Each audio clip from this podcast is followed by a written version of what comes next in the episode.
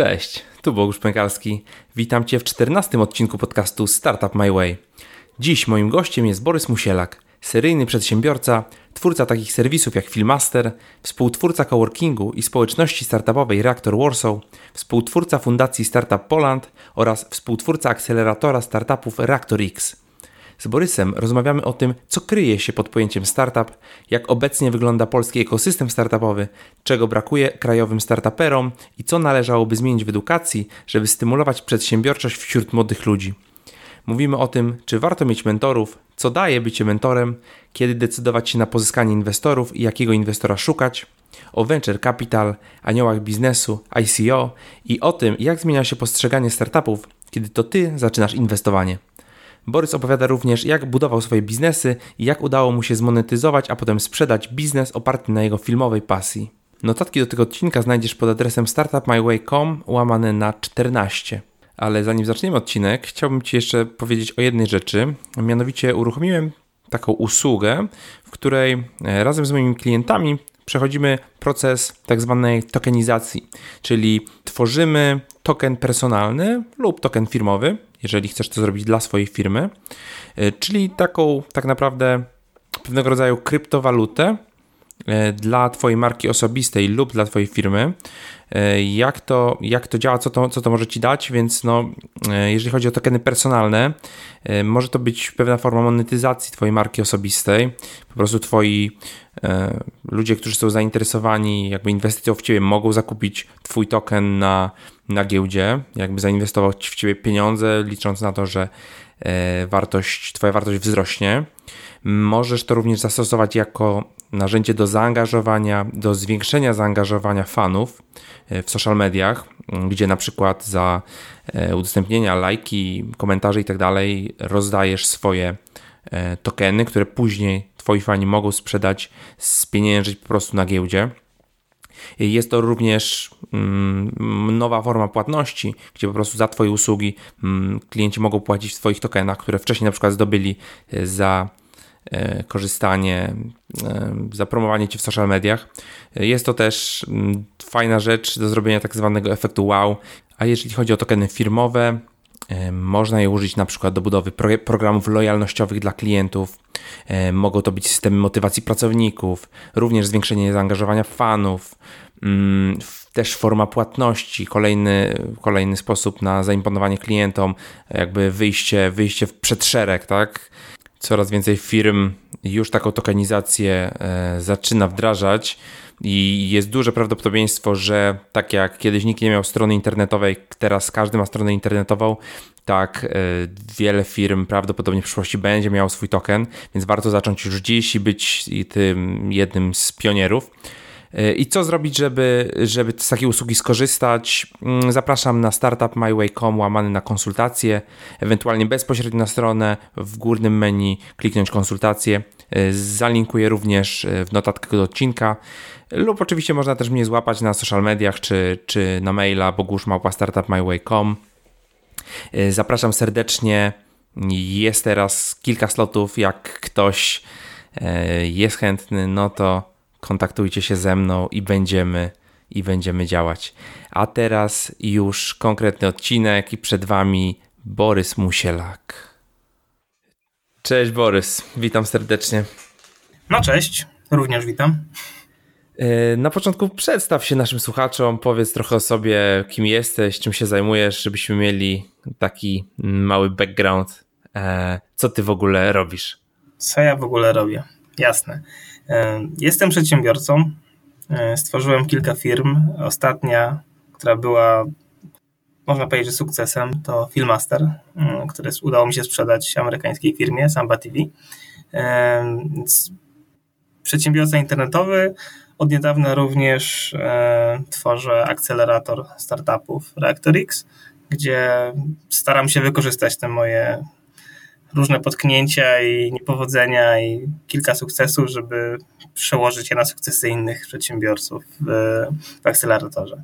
E, no i tworzę też reaktor od 7 lat, e, cowork, e, społeczność, miejsce, gdzie młodzi przedsiębiorcy uczą się od, od tych starszych. To bardzo szybko o mnie. Jesteś taką osobą, która jest y, no, dosyć mocno kojarzona właśnie ze startupami, ze światem startupowym, więc chciałbym na początku y, pogadać chwilę właśnie o startupach.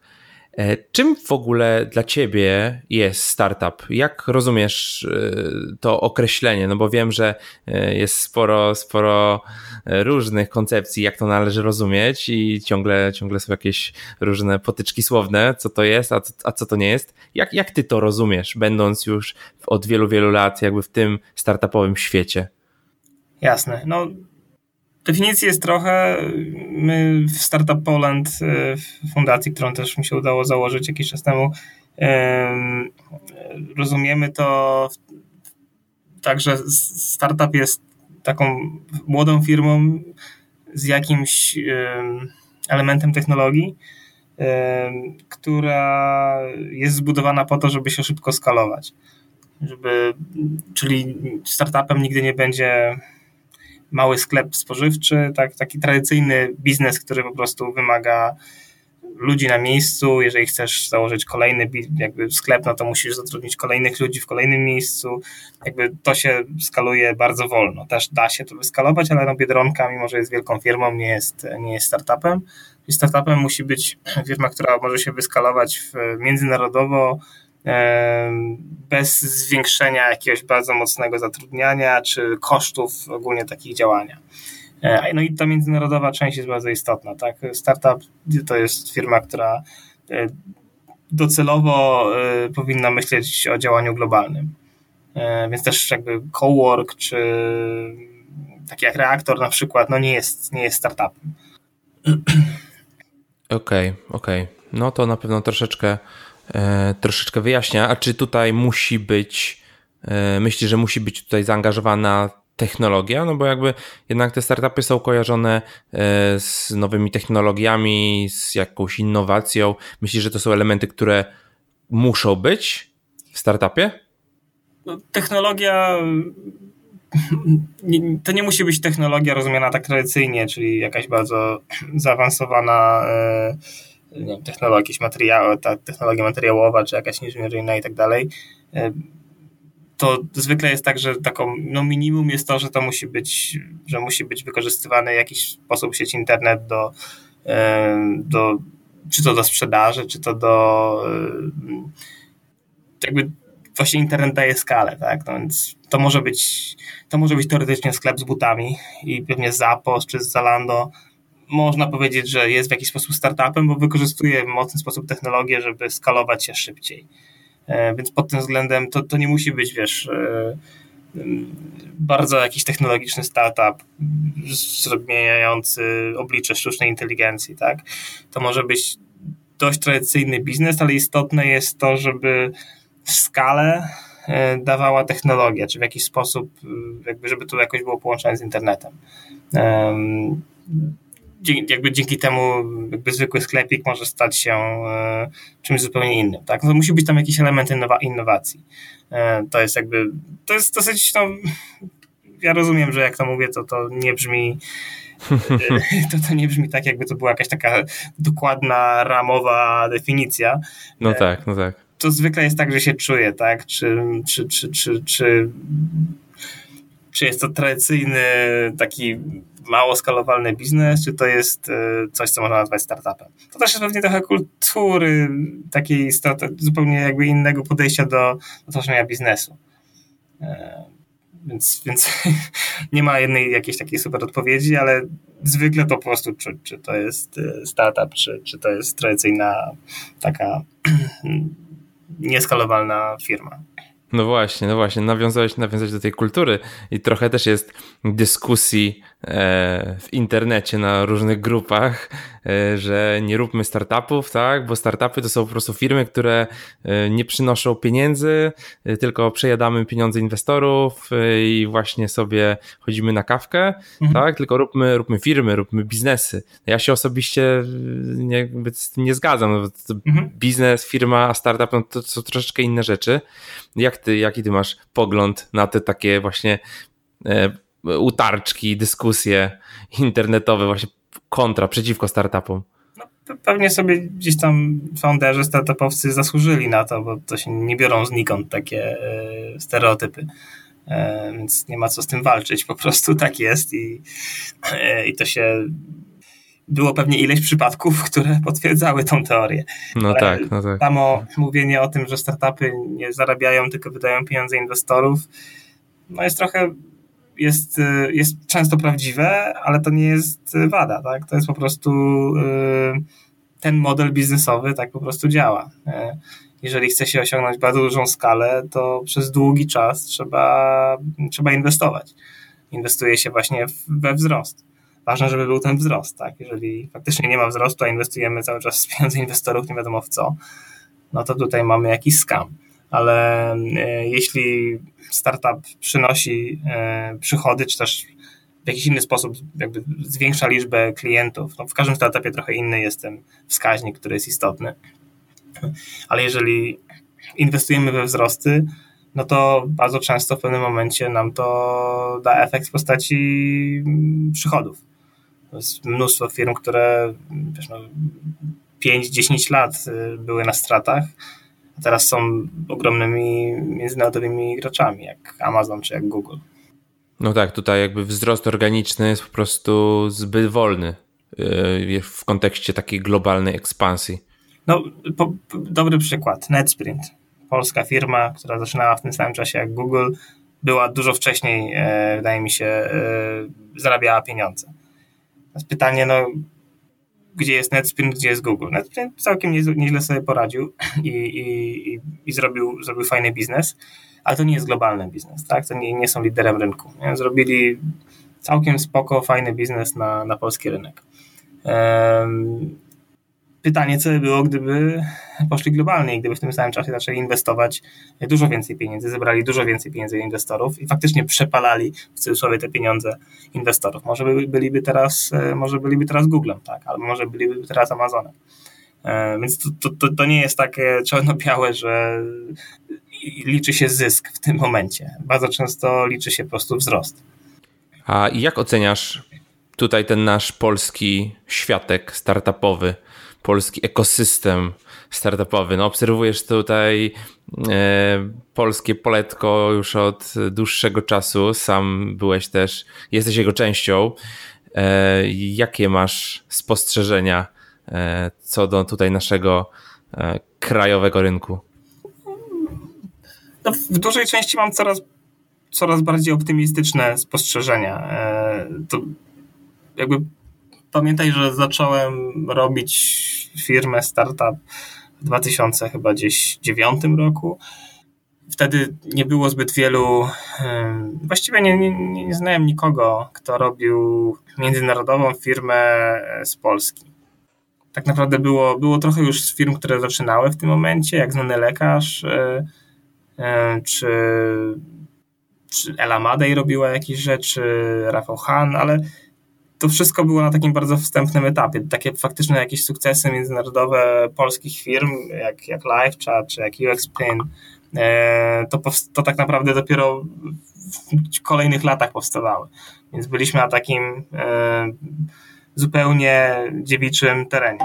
E, jakby pracowaliśmy na zupełnie dziewiczym terenie. Teraz zupełnie inaczej wygląda ten krajobraz. Mamy kilkuset founderów, którzy y, stworzyli pierwszą swoją firmę, sprzedali tą firmę, y, robią kolejną, y, doradzają młodszym czy mniej doświadczonym.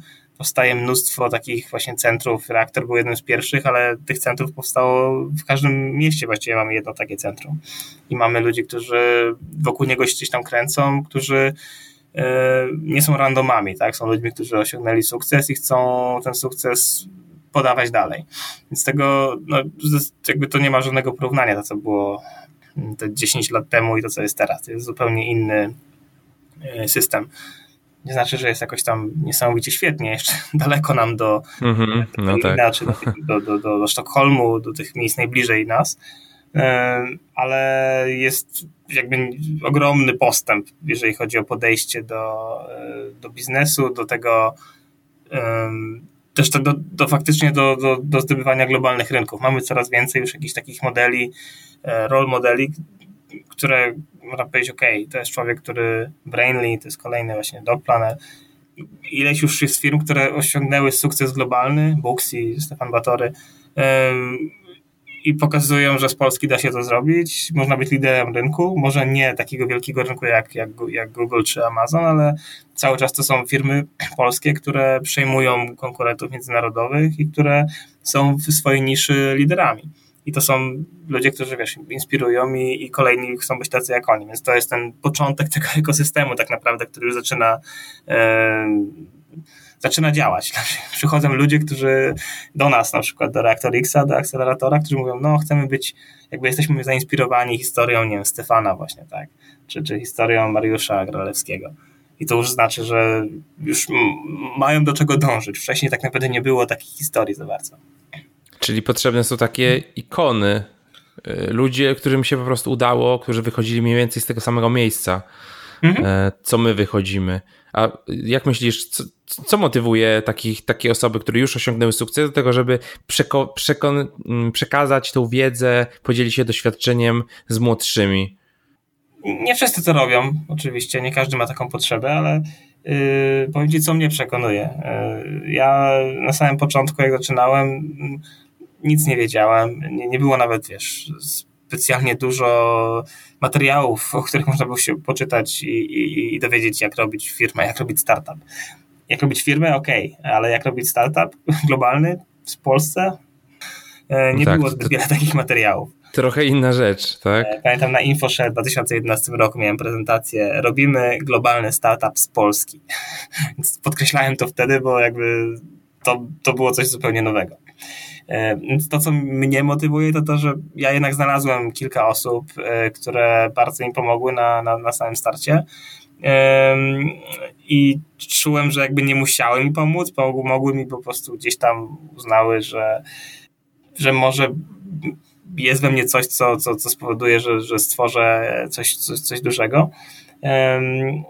I poświęcały mój czas, swój czas, e, wiesz, po to, żeby wprowadzić mnie w swój network, żeby, żeby łatwiej było im pozyskać pierwszą inwestycję i żeby jakby poszedł gdzieś tam do przodu. I, e, no i jestem super wdzięczny za to i czuję, że to jest super potrzebne, a też czuję, że ja się mogę dużo nauczyć od ludzi, którzy teraz zaczynają. Często zupełnie z innym backgroundem, e, zupełnie inne umiejętności mający niż ja, ale ja jakby, to nie jest tak, że to oni się ode mnie uczą. Ja tutaj jestem wielkim panem mentorem i, i mówię im tutaj, tu róbcie tak, tu róbcie tak. To najczęściej jest tak, że my się uczymy od siebie nawzajem. Tak? Ja się uczę e, o nowych e, zupełnie dziedzinach, o nowych, e, wiesz, nowym przemyśle, nie wiem, cały, cały, cały rynek e-sportu na przykład, ostatnio miałem fajne spotkanie z człowiekiem, który robi startup w tych rejonach. No i wiesz, w ciągu godziny czuję, że zrozumiałem w jakiejś poziomie ogólności cały nowy, cały nowy rynek. I to jest super. Jakby właśnie po to też jakby to robię, żeby też się dowiadywać fajnych rzeczy, a przy okazji mogę przekazać jakieś swoje, e, wiesz, swoją historię. No tak, czyli z jednej strony oddajesz jakby przysługę, która była ci dana gdzieś tam na samym początku, ty zaczynałeś. Z drugiej strony możesz y, czerpać y, nową wiedzę i wykorzystywać ją y, w swojej pracy, czy to w budowaniu nowych firm, czy, czy, czy w inwestowaniu. No dokładnie, no to jest taka trochę transakcja wiązana. No, mm-hmm, fajnie mm-hmm. jak brzmi to, że to jest takie, wiesz, doświadczeni przedsiębiorcy pomagają młodym, bo są fajni, ale zawsze jest tak, że zawsze nawet na takiej, w takiej relacji mentor, mentorowany, to zawsze jest tak, że obie strony muszą coś zyskać. Powtarzam to też ludziom, którzy szukają mentora, czy szukają takiego doradcę do swojej firmy, że nie możesz tylko brać, tak? Cała idea tego jest to, że bierzesz i dajesz. Ja daję network najczęściej, tak, a pozyskuję wiedzę i pozyskuję też w to, że czuję, że wiesz, pracuję z ludźmi, którzy mam nadzieję osiągną dużo więcej niż ja osiągnąłem i w pewnym momencie to oni będą mi pomagać. E, I to się już dzieje, to już jakby takie sytuacje już, e, już miałem wiele razy, nie? Kilka ludzi, którzy przyszło do mnie uważając, że ja tutaj mogę im pomóc kopnąć gdzieś tam i, i, i osiągnąć dzięki temu sukces i to się wydarzyło. Nie, Max Salomonowicz z ACL Systems na przykład. Teraz tak naprawdę ja najczęściej korzystam z jego rady, tak? I, i on mi pomaga bardzo mocno w rozwoju Reactor czy w innych rzeczy. Tak, a przyszedł do ciebie po porady? Tak, no, tak dawno temu, 4 lata temu, tak? Przyszedł no. do mnie tworząc firmę, mając świetny już cały ten sprzęt, który oni robią, takie gimbale, e, e, takie stabilizatory do kamer. E, I przyszedł do mnie w momencie, kiedy im się kończyła kasa i tak naprawdę chcieli zamykać tą firmę, aby ją sprzedać. Po tym, jak zobaczyłem, co tam mają, pokazali mi, jak to działa, i wiesz, pierwszy raz widziałem tak dopracowany produkt, który jest na etapie MVP, tak naprawdę. Od razu wiedziałem, że to to, to będzie hit, tak? Zrobiłem mu intro do kilku, do chyba dwóch czy trzech funduszy inwestycyjnych. W ciągu dwóch tygodni mieli term sheet od SpeedUpa. E, nie, najszybszy term sheet taki w historii, jaki widziałem. E, Max jest do dzisiaj wdzięczny, a tak naprawdę to było jakieś małe intro, a całą robotę on zrobił, tak, robiąc super firmę. E, więc czasem potrzeba takiego, wiesz, kogoś gdzieś tam cię popchnie, gdzieś połączy dwie rzeczy i wiesz, i jedziesz dalej. Więc... Tak, tak, tak, tak. Tak, ja Max, Maxa poznałem na Aulerach w zeszłym roku i właśnie rozmawialiśmy o tym, o tym wszystkim trochę, więc, więc no to fajnie, gratuluję że, że udało ci się pomóc, a teraz właśnie jesteś z drugiej strony jakby i ty możesz czerpać od, od niego, z jego doświadczeń. E, Super człowiek, no właśnie, pozdrawiamy Maxa. Pozdrawiamy. E, mówisz, że mówiliśmy o tych mentorach. Czy w ogóle startupy potrzebują mentorów? A jeżeli tak, to, to kiedy i jakich? Większość przedsiębiorców, którzy osiągnęli sukces, nawet tak dużych jak nie wiem, Richard Branson e, czy, czy Bill Gates, e, uważają, że bez mentorów, bez ludzi, którzy byli z nimi na samym początku i doradzali im, nie, nie byliby tam, gdzie są. E, są przykłady odwrotne. Elon Musk na przykład uważa, że nie ma mentorów i nie, nie uważa, że mentorzy są czymś, co co dają wartość dla jego startup, dla jego, jego firmom, e, bo mogą jakby swoim sposobem myślenia, takim trochę starodawnym, bo mentor to jest zawsze, wiesz, pokolenie, nie zawsze, no ale często to jest pokolenie wcześniej.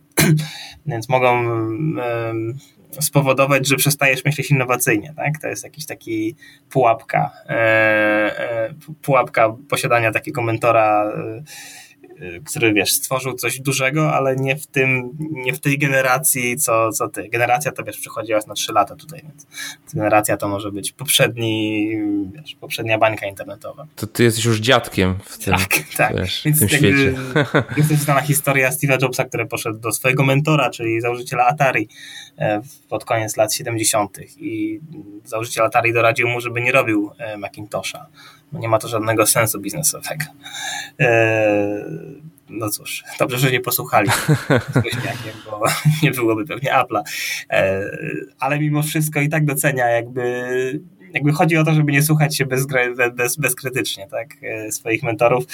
To są ludzie, którzy często dużo osiągnęli i mają fajne doświadczenie w, w tej dziedzinie, ale to ty jesteś founderem, tak? Ty jesteś właścicielem tej firmy i to ty zawsze będziesz miał wszystkie informacje. Mentor nigdy nie będzie miał całości informacji odnośnie twojego biznesu. Jest ważne, żeby umieć uzyskać od mentorów to, co potrzebujesz, no ale jednak samemu podejmować decyzje. Nie? E, a powiedz, czego Twoim zdaniem brakuje polskim startupom? Co powinniśmy tutaj poprawić u nas? Um, za krótko pracują, przede wszystkim. E, nie mają determinacji takiej jak e, startupowcy z Izraela czy z, czy z Silicon Valley. Nie mają takiego aż, aż z wyjątkami oczywiście, ale, ale mówię generalizując. Nie, nie mają takiego drive'u, e, a, a bez, bez, bez, tego, bez tego jakby nie bardzo trudno o sukces, tak? Pracując, no pracując trochę jakbyś był w korporacji, a nie jakbyś rozwijał swoją firmę. Takich przypadków bardzo wiele. E, bardzo wiele widziałem, gdzie ludzie po prostu odeszli z, z firmy, bo uznali, że chcą robić własny produkt, ale mm, nie pomyśleli o tym, że tworzenie startupa to jest e, jakby zastępuje ci życie przez jakiś czas. Jakby nie masz czasu na nic innego, tak? jeżeli, jeżeli chcesz faktycznie osiągnąć sukces. Nie, nie znam zbyt wielu przypadków, gdy ktoś wiesz, pracował od 9 do 17 i, i zrobił niesamowitą firmę. E, więc to jest jakaś taka jedna rzecz, którą warto sobie uświadamiać przed założeniem biznesu, że jeżeli faktycznie chcesz zrobić duży sukces, no to to, to, to cię zniszczy całkowicie. No fajnie. E, z tego jakby tu, tu ludzie trochę nie mają o tym jeszcze i, i ci wszyscy, którzy faktycznie sukces, sukces osiągnęli, no przypłacili za to mocno, nie? Gdzieś tam albo zdrowiem, albo, albo relacjami, jakby jest coś za coś zawsze.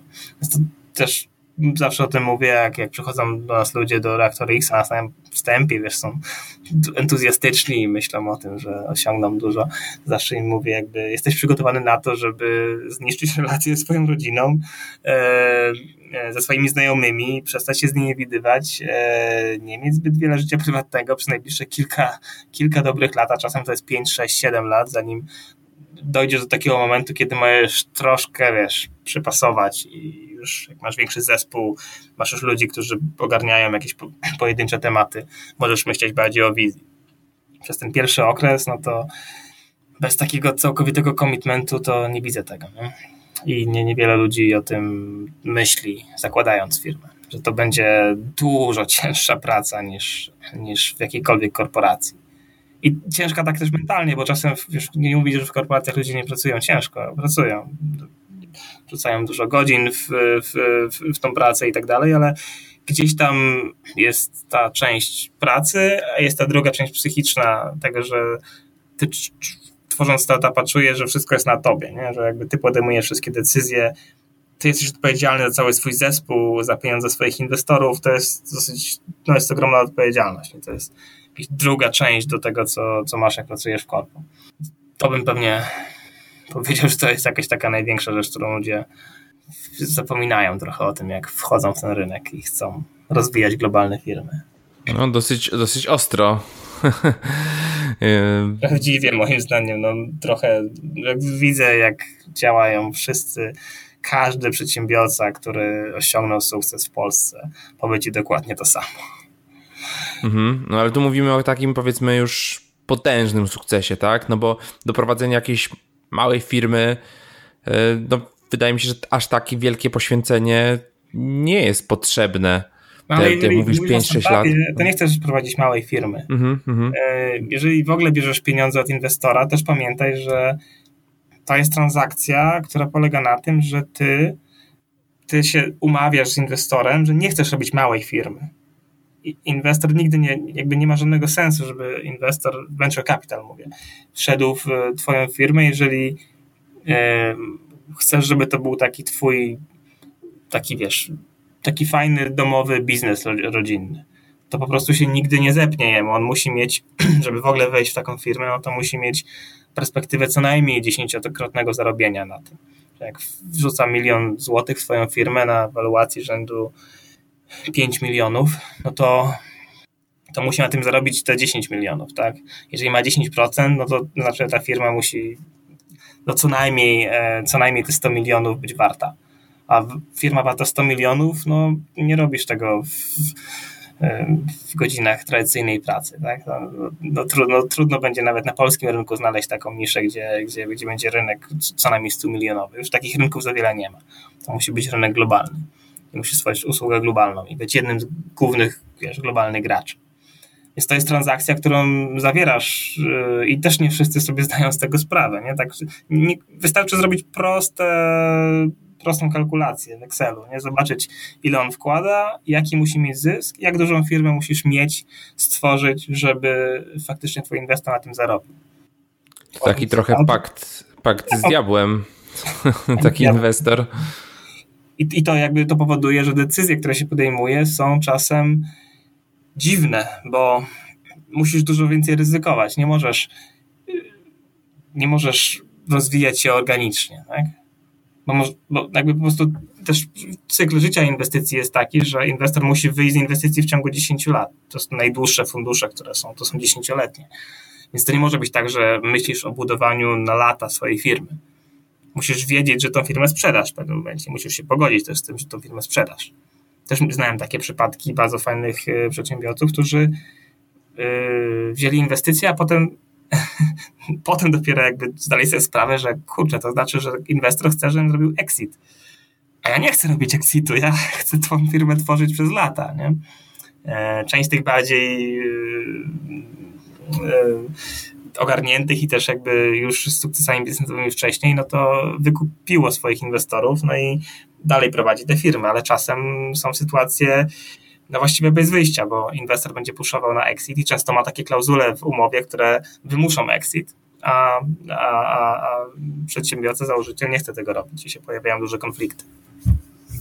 No właśnie, no to dochodzimy teraz do takiego pytania, czy warto w ogóle wchodzić, brać pieniądze od inwestorów, czy nie lepiej może się bootstrapować jakoś? E, jak, jak ty myślisz, porównanie takiego inwestor, inwestora versus e, własny kapitał? Czy no. ruch, jakby wzrost organiczny, tak? I po prostu mhm. utrzymywanie się z pieniędzy klientów. To są dwie zupełnie różne filozofie życiowe. Musisz pomyśleć po prostu, co chcesz e, osiągnąć. Żadne prowadzenie biznesu nie będzie, wiesz, fajną, prostą ścieżką, tak? Gdyby to było proste, wszyscy by to robili i, e, i to by się w ogóle nie opłacało wtedy. to się opłaca tylko dlatego, że to jest trudne i że to zajmuje dużo czasu i umiejętności i szczęścia i wiele innych rzeczy. Ale no, warto sobie, wiesz, ustalić jakieś cele i, i, i wiedzieć, dokąd się dąży, jaki, co chcesz osiągnąć, no, co z tym biznesem chcesz osiągnąć, kiedy to będzie sukces według ciebie. E, jeśli sukcesem będzie dla ciebie, że masz pięciu, sześciu pracowników i zarabiasz e, mniej więcej tyle, co zarabiałeś w korporacji na, na, na tworzeniu, na, na, na jakim tamkolwiek biznesie, czy to internetowym, czy, czy, czy innym, no to wtedy na pewno nie bierz pieniędzy od inwestorów. Wtedy to jest e, bardziej tradycyjny biznes, gdzie możesz nawet po jakimś czasie, jak masz dobry cash flow, wziąć po prostu pożyczkę na, na rozwój, spłacić tą pożyczkę, bo wiesz, że zarabiasz przewidywalnie w miarę pieniądze. To jest zupełnie inny rodzaj rozwoju e, firmy. I jest sporo takich firm, które w taki sposób się, um, się rozwinęły i bardzo fajnie się rozwinęły. Niedawno byłem na, na, na kawie z założycielem firmy Sante jednego z moich w ogóle idoli dzieciństwa, bo byłem wegetarianinem, chyba hipsterem wegetarianinem w Toruniu, jednym z pierwszych wegetarian. Tam te w ogóle miałem te parówki sojowe i te wszystkie zdrowe rzeczy, które tam w 90 latach się pojawiły. E, no i to jest człowiek, który rozwinął swoją firmę, już w tym momencie sporą firmę, spokojnie, dawno mogła być na giełdzie, nie chcą, bo chcą, żeby ta firma była prywatna. E, e, I rozwinął ją zupełnie organicznie jakby Sante nie jest teraz Nestle, tak? Przez to między innymi, że robił to organicznie, nie brał pieniędzy, kapitału z zewnątrz i, i, i nie mieli w ogóle takich, e, takiej, takiego podejścia. E, e, jakby bracia tam Kowalscy od, od Sante po prostu chcą tworzyć biznes rodzinny, chcą to przekazać e, swoim dzieciom, chcą, żeby to był, chcą zbudować legacy tak zwane. Trochę podobnie myśli założyciel LPP, niedawno czytałem z nim wywiad. I to też jest fajne podejście. Zupełnie w inny sposób y, patrzysz wtedy na, y, na rozwój tej firmy. Myślisz dużo bardziej długoterminowo, rzędu, wiesz, dekady, y, a nie, a nie, a nie, a nie kilka lat. Mm, no i to jest jakby twoja wtedy, jakby to jest trochę twój, determinuje twój cel życiowy w tworzeniu tej firmy. Całkiem fajny cel, nie? Tylko że to, to jest niekompatybilne z, z venture capital. Więc jakby jeżeli, jeżeli bierzesz pieniądze od inwestora, no to umawiasz się na to, że to będzie troszkę krótsza przygoda, tak? E, I to będzie jakby i, i, i albo będzie nic najczęściej, tak? Albo po prostu się nie uda i, i, i plajtujemy, albo ewentualnie sprzedajemy nasze asety, albo robimy coś dużego, bardzo dużego, globalnego. I są tylko te dwie, dwa przypadki takiego Stante czy takiego LBP pewnie nie, nie, nie zbuduje się e, z pieniędzy inwestora. No tak, a czy inwestor zawsze musi oznaczać e, to, że finalnie sprzedajesz firmę? No przecież taki, nie wiem, Elon Musk też ma inwestorów, ogromne pieniądze są zainwestowane. No i nie sądzę, żeby on jakby planował sprzedać Tesla czy Space, SpaceX e, w, w niedalekim czasie. No tak, inwestor zawsze znaczy, że chce sprzedać firmę. E, czy, czy sprzedać poprzez exit do większej firmy, czy sprzedać poprzez wejście na giełdę i przez upłynnienie e, akcji. No ale inwestorzy, jeżeli mówimy o venture capital, o, takich, o tego typu inwestycji, no to to jest bardzo specyficzny wehikuł, który sam zbiera pieniądze od innych inwestorów, tak?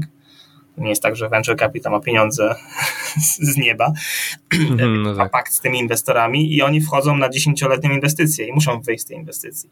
Nie ma tutaj żadnych możliwości 8 do 10-letnich tak, inwestycji. Nie ma żadnych możliwości zamknięcia funduszu później na przykład. Tak. E, więc wyjść muszą w jakiś sposób. Czy to sprzedać swoje akcje, czy, czy wejść, czy, czy, czy, czy sprzedać je na giełdzie, czy sprzedać je poprzez acquisition do większej firmy, ale to będzie i, i w każdej umowie inwestycyjnej, prawie każdej jest, są klauzule, które, które mówią, że jeżeli do konkretnej kwoty dojdzie ta, jakby ta wartość tej firmy, no to inwestor może wymusić sprzedaż. E, może, może wymusić w ogóle? Tak, bardzo często tak jest. No jeżeli jest bardzo konkretne, jakby już jakiś zarobił ileś tam, no to e, jeżeli nie ma kontroferty i to jest jakby najlepsza oferta, to bardzo często tak. Mimo tego, że jest udziałowcem mniejszościowym, to może wymusić po prostu jest zawarte w umowie, tak? tak?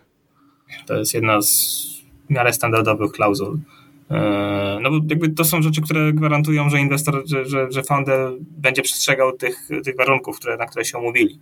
E, czyli, że chce zbudować biznes, który, na który inwestor zarobi. To jest jedyny powód, dla którego inwestor inwestuje. Venture capital. Oczywiście mówię o venture capital, bo są inwestorzy, mm, którzy myślą nie tylko o tym zarobku, tak? Są inwestorzy impaktowi. E, Bill Gates inwestuje w wiele rzeczy, które niekoniecznie przy, no, przyjdą, przy, przy jakby dadzą mu jakiś zwrot e, w bardzo krótkim czasie, ale myśli o tym bardziej jako o zmienianiu świata. A to są zupełnie inne rodzaje deali. Nie? To, co jest istotne, to co mówię, że jakby każdy przedsiębiorca musi dokładnie e, ze swoim inwestorem omówić, to to jakie są warunki zwrotu, jakie są wymagania z obu stron, kiedy chcemy zwrot z inwestycji, czy w ogóle go chcemy. Spoko, życzę każdemu inwestora, który nie będzie chciał zwrotu z inwestycji, ale, ale to się raczej w realnym świecie nie zdarza.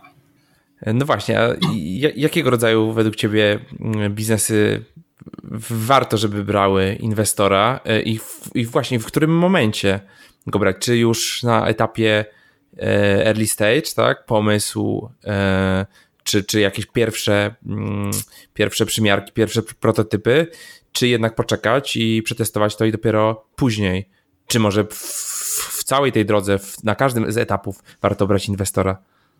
Zwykle im później, tym lepiej, e, tylko nie zawsze tylko nie zawsze możesz później, tak? bo wszystko jest kwestia tego, największy wróg startupu to cashflow. No. Jeżeli masz pieniądze na koncie e, i możesz inwestować swoje pieniądze albo pieniądze swoich e, znajomych e, na takiej zasadzie nie venture kapitalowej, tylko takiej, że po prostu chcą ci pomóc, żeby to rozwinąć, no to, to fajnie, tak? Jeżeli jesteś w stanie swoim kapitałem dojść do momentu, gdzie już widzisz, że ten biznes będzie się kręcił masz już kilku klientów, którzy stwierdzili, tak, chcemy tego kupować, chcemy płacić tyle i tyle i też rozumiesz, w jaki sposób wyskalować ten biznes, to pewnie to jest ten moment, nie? kiedy najlepiej byłoby wziąć, e, wziąć inwestycje już na samo skalowanie.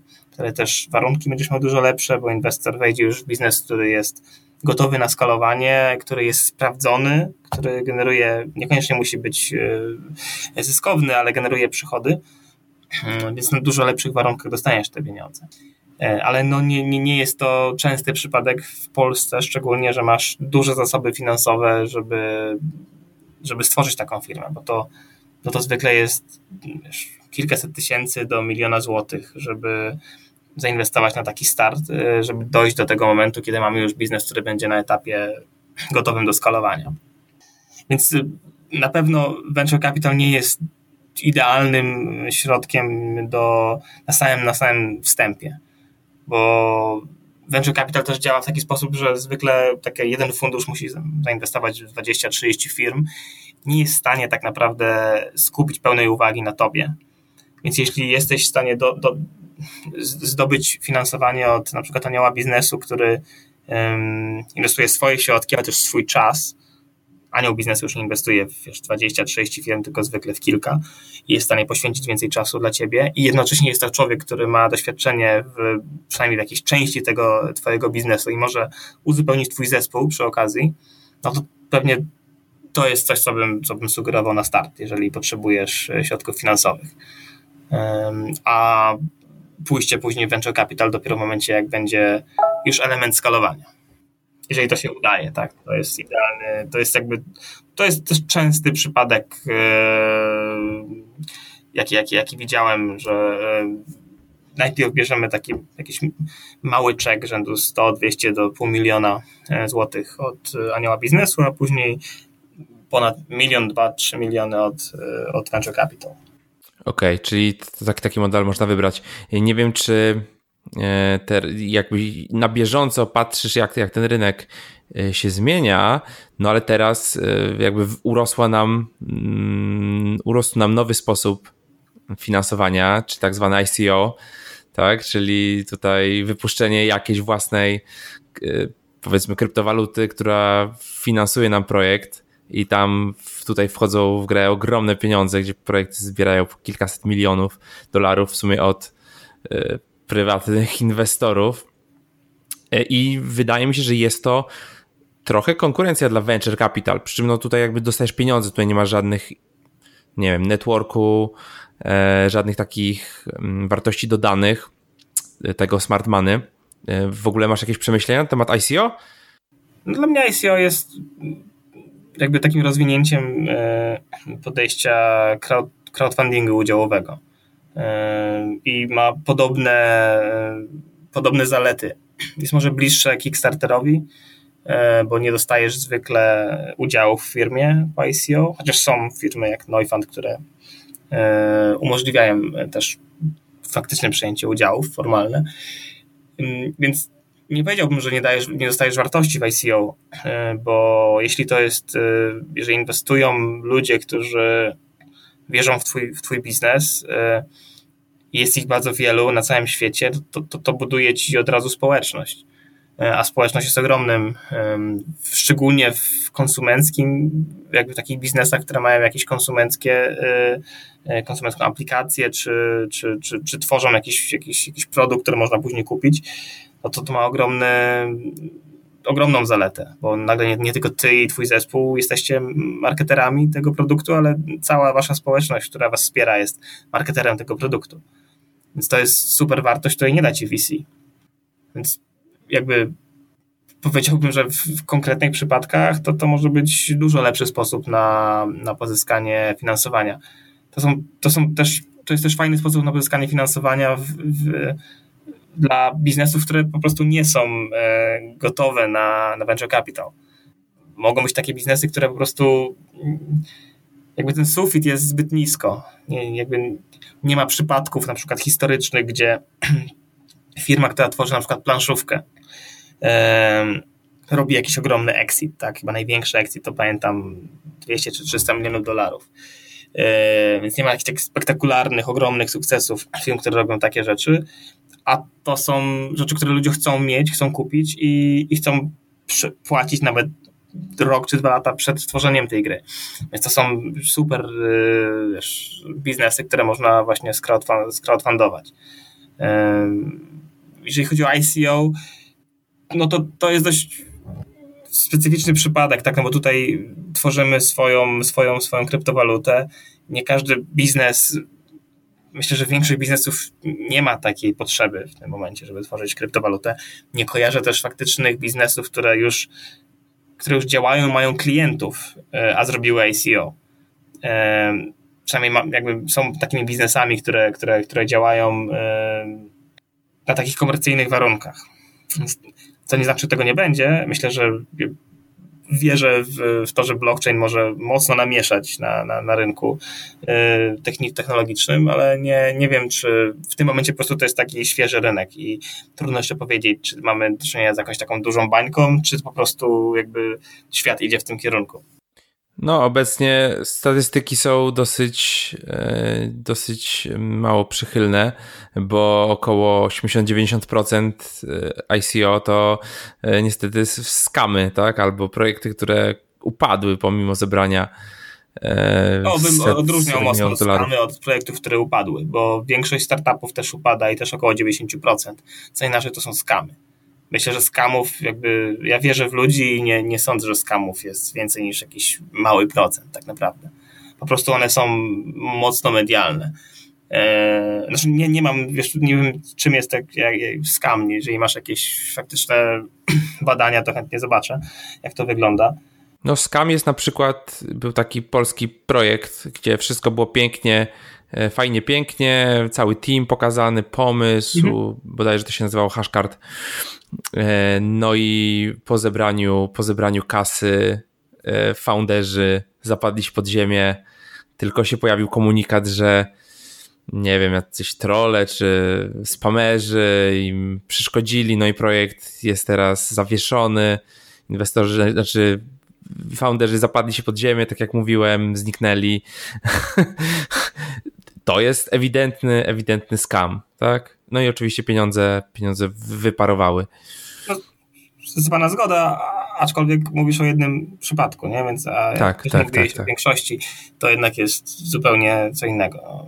Takich przypadków będzie zawsze dużo i, i znam wiele takich przypadków po, w, w, tradycyjnych startupach, które zebrały pieniądze od venture capital, tak? to zawsze no jest tak, umowa, no, no i, tak. i, zawsze jest, masz jakieś zabezpieczenia, no ale jeżeli fonderzy nagle stwierdzą, że nie chcą tego robić, albo wręcz angażują się w jakieś tam kryminalne e, rozwiązania, no to są, są do tego sądy, są do tego jakieś całkiem zupełnie inne, w inne rejony wtedy wchodzimy. Ale to, to jest dla mnie i w obu przypadkach to jest, to jest jakaś taka, wiesz, mała, mała bardzo część. E, możliwe, że trochę więcej jest tego w ICO, ale nie mam danych, więc trudno mi powiedzieć. No i tutaj mamy no, niespotykaną skalę tych inwestycji, gdzie jeden projekt, e, rekordowy projekt EOS zebrał 4 miliardy dolarów w ICO. No to, to jest jakby no, precedens. E, w, no, ale też EOS kapitału. ma ogromną obietnicę i, i robi to człowiek, który już dostarczył w, poprzednim, w poprzedniej firmie, którą robił, więc E, trudno nazwać to w tym momencie skamem, tak? Jest...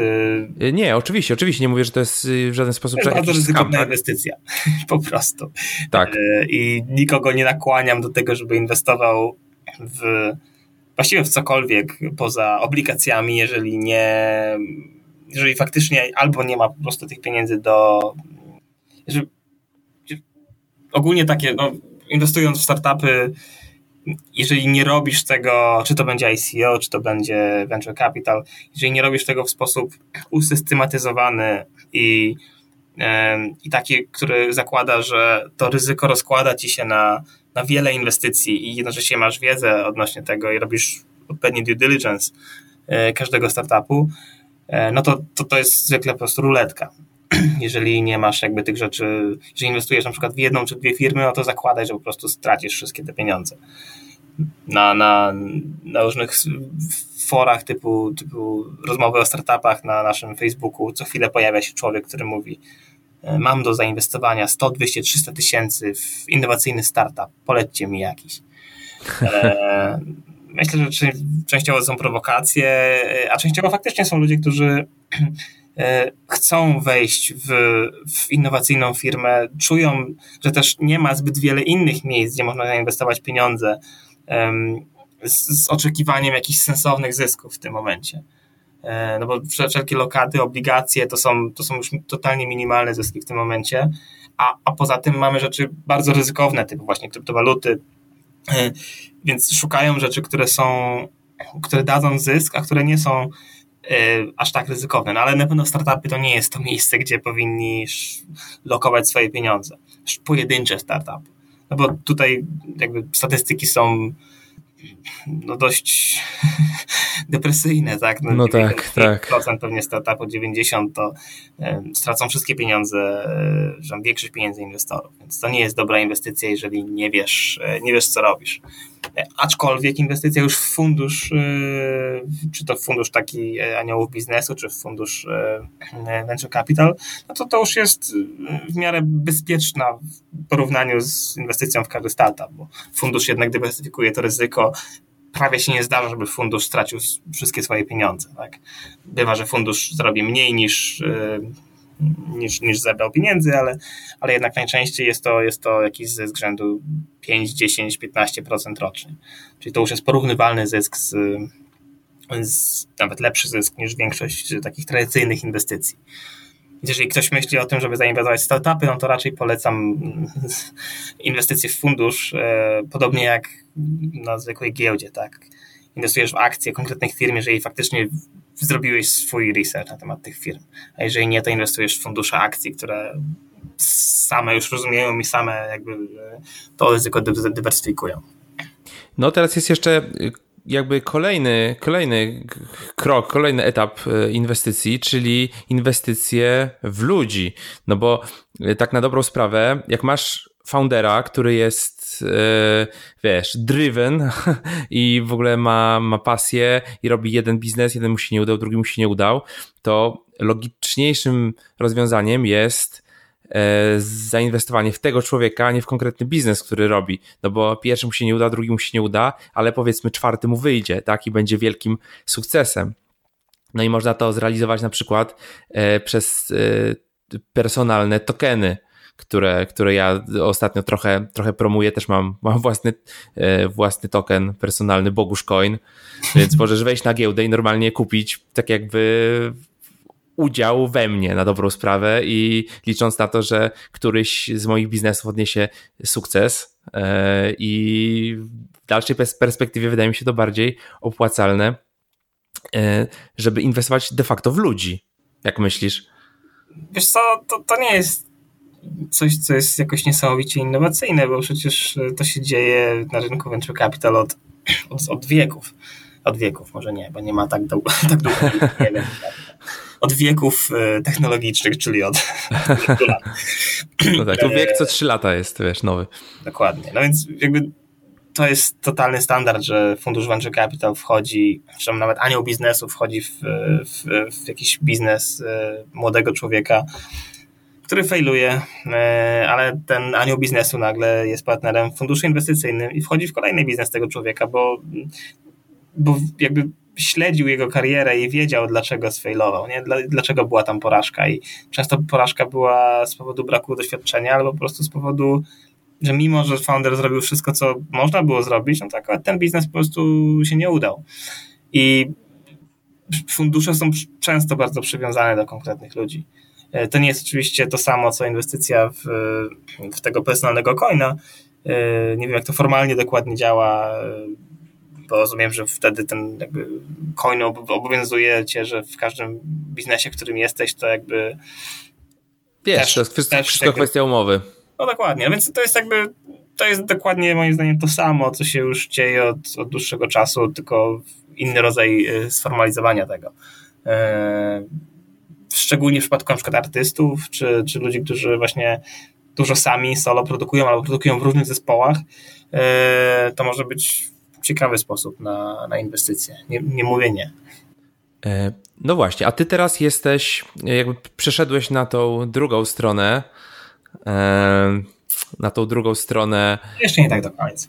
Baryk barykady, nie do końca. Ale powiedz trochę, jak zmieniło się Twoje jakby postrzeganie w ogóle startupów w momencie, kiedy to Ty zacząłeś inwestować E, wykładać własne pieniądze. Czy już, już rozumiem, zacząłeś, tak? Już jakieś, jakieś no, inwestycje od, od dwóch lat, od dwóch lat tworzymy akcelerator startupów y, Reactor X, w, który, w którym w każdym startupie mamy swój udział.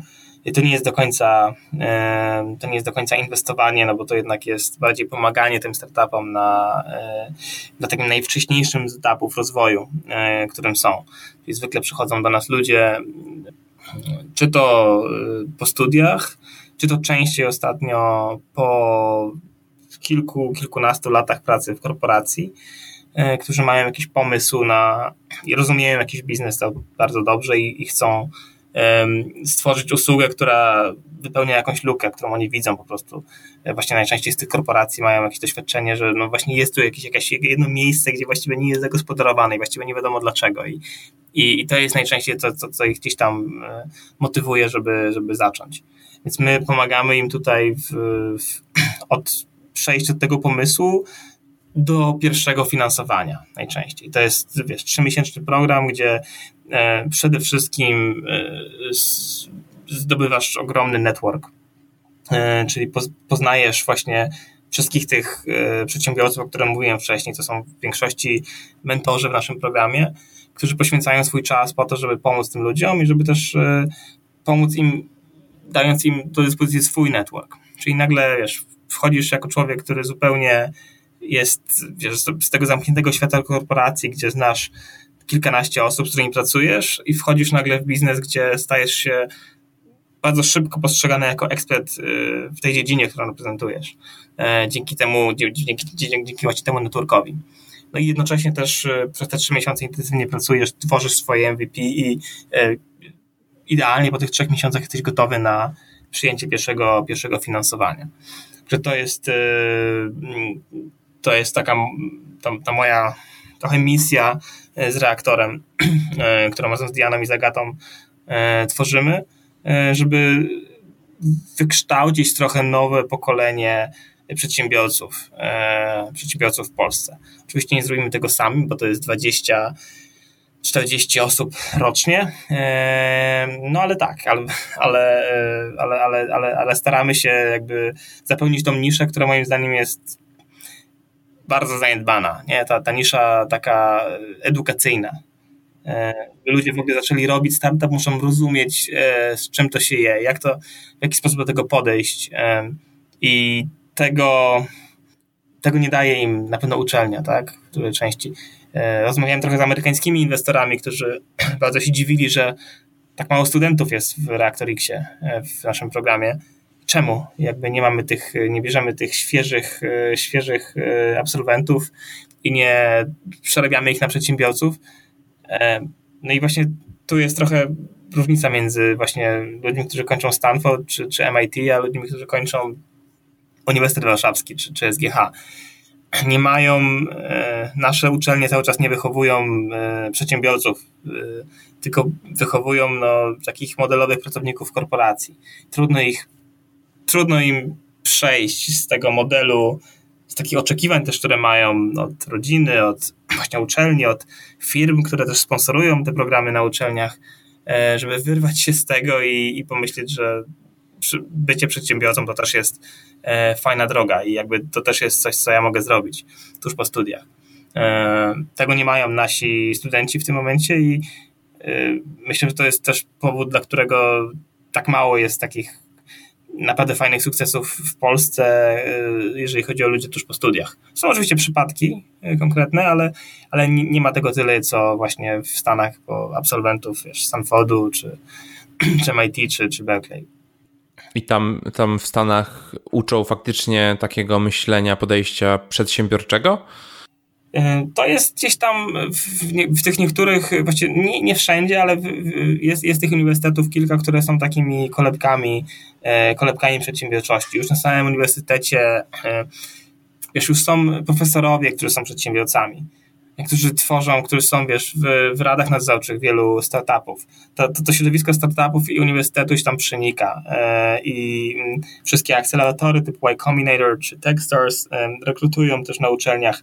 Startupy rekrutują na uczelniach. Często ludzie, którzy kończą studia mają doświadczenie w kilku w kilku startupach, bo startupy są sexy, tak? są bardziej sexy niż, niż wielkie korporacje. E, ludzie, szczególnie w tym młodym wieku, chcą zobaczyć, jak się pracuje w w firmie, która może być, być kolejnym e, wiesz, Facebookiem, kolejnym Netflixem. U nas takich ofert nie ma, nie ma aż tak dużo cały czas. E, nie ma gdzie w tak łatwy sposób e, pozyskać takiego doświadczenia. Więc wszystko jest na trochę mniejszą skalę. No i też same, same uniwersytety, no nie ma zbyt wiele osób takich jak Agnieszka Skala, które na uczelni jakby całą tą, tą wiedzę przekazują, e, choćby tę teoretyczną wiedzę odnośnie tego, w jaki sposób wiesz, działają takie firmy i w ogóle dają studentom znać, że taka droga w ogóle jest możliwa. No, takich, y, jest takich trochę inicjatyw na Koźmińskim, jest właśnie Agnieszka na Politechnice, jest kilka fajnych osób, ale to są pojedyncze przypadki, nie ma jakiegoś systemowego podejścia e, do wykształcania przedsiębiorców, e, a jest takie podejście w Stanach i to no i to w Stanach, wiesz, jest trochę kulturowo też y, od, od, od, od samego początku powstania pewnie Ameryki, więc to nie będzie tak łatwo dogonić. No właśnie, myślisz, że jest możliwa jakaś taka fundamentalna zmiana na przykład w systemie edukacji no żeby na na przykład y, z tego co pamiętam, gdzieś tam w liceum jakieś podstawy przedsiębiorczości, to uczyli jak wypełnić PITA i jak napisać CV to też jest do korpo. Tak? Jak wypełnić PITA to jest istotne, chociaż nie powinno tego szkoleń, tylko to po prostu powinno robić państwo e, dla nas, jak w większości sensownych krajów.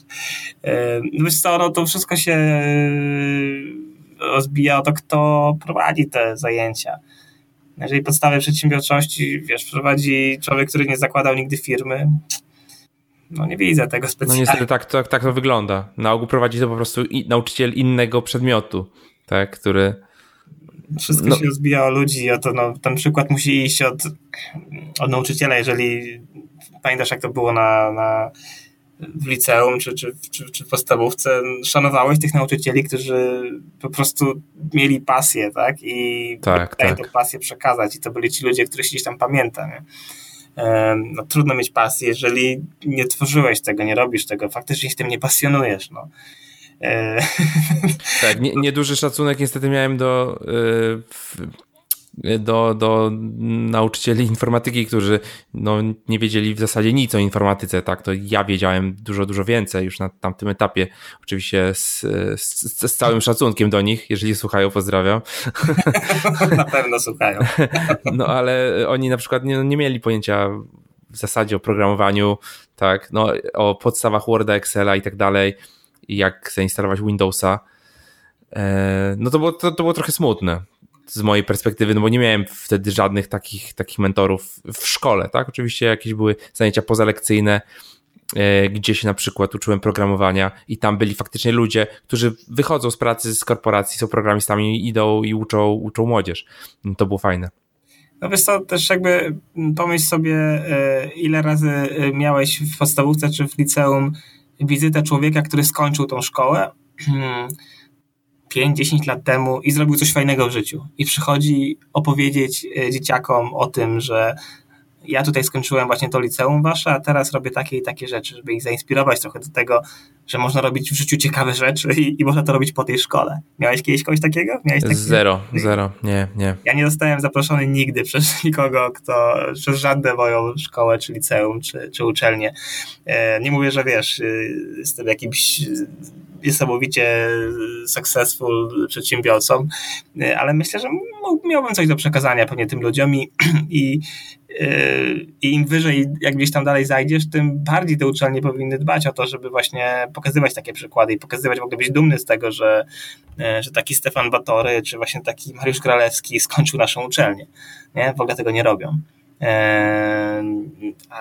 A to jest, a to jest taki, taki, taki cykl, który, który istnieje właśnie na uczelniach y, amerykańskich, gdzie, gdzie oni wracają, jakby, czy to prowadzą jakieś zajęcia, czy mm, pro publico bono najczęściej, tak, albo y, ale po to, żeby też jakby przekazać to dalej. No, ludzie mają taką chęć, jakby, szczególnie jak się już osiągnęło jakiś, jakiś sukces albo ma się jakąś swoją pasję i chce się zarazić nią inny, innych, to nie jest jakiś wielki wysiłek, żeby coś takiego zorganizować. No ale musi być y, świadomość tego, że w ogóle można coś takiego zrobić. E, no i jakby też taka jakaś przedsiębiorczość w takim sensie, żeby zagadać do, do ludzi, sprawdzić, e, czy, czy, czy wśród naszych absolwentów nie ma jakichś e, fajnych osób, które mogłyby przyjść i, i, i pogadać z tymi dzieciakami. Zachęcam do tego wszystkich, którzy, wszystkich nauczycieli, którzy nas słuchają i, słuchają i dyrektorów szkół w całej Polsce, żeby zrobić taki mały research nie? i zobaczyć. Może akurat się okaże, że właśnie ktoś, kogo gdzieś tam, którym czytaliśmy w pulsie biznesu, właśnie naszą podstawówkę skończył, nie? I może będzie chciał wpaść, jak będzie akurat rodzinę odwiedzał. Tak, polecamy. Polecamy, bo generalnie jest zasada taka, że ludzie lubią mówić o sobie, szczególnie jeżeli coś fajnego zrobili, więc ja chętnie przy, przyjadą, chętnie przyjadą. E, taką inicjatywę podobną, o czym mówiłeś, e, robi właśnie jeden z poprzednich gości podcastu, e, Maciek Aniserowicz, który no, buduje dużą społeczność, ma dużą społeczność programistów wokół siebie i też ma taką misję jakby edukacji młodych.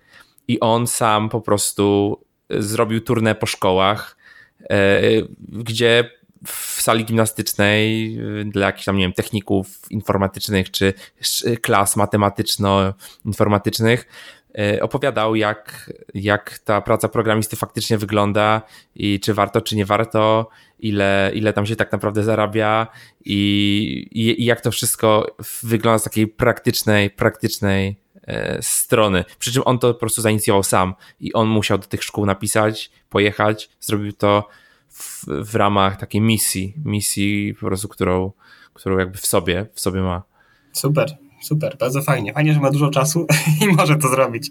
Tak, tak. czas cenny na... Tak, nie, nie, buduje nie buduje startupów, wiesz, w reaktorze, gdzie tam ludzie po 20 godzin harują od poniedziałku do niedzieli.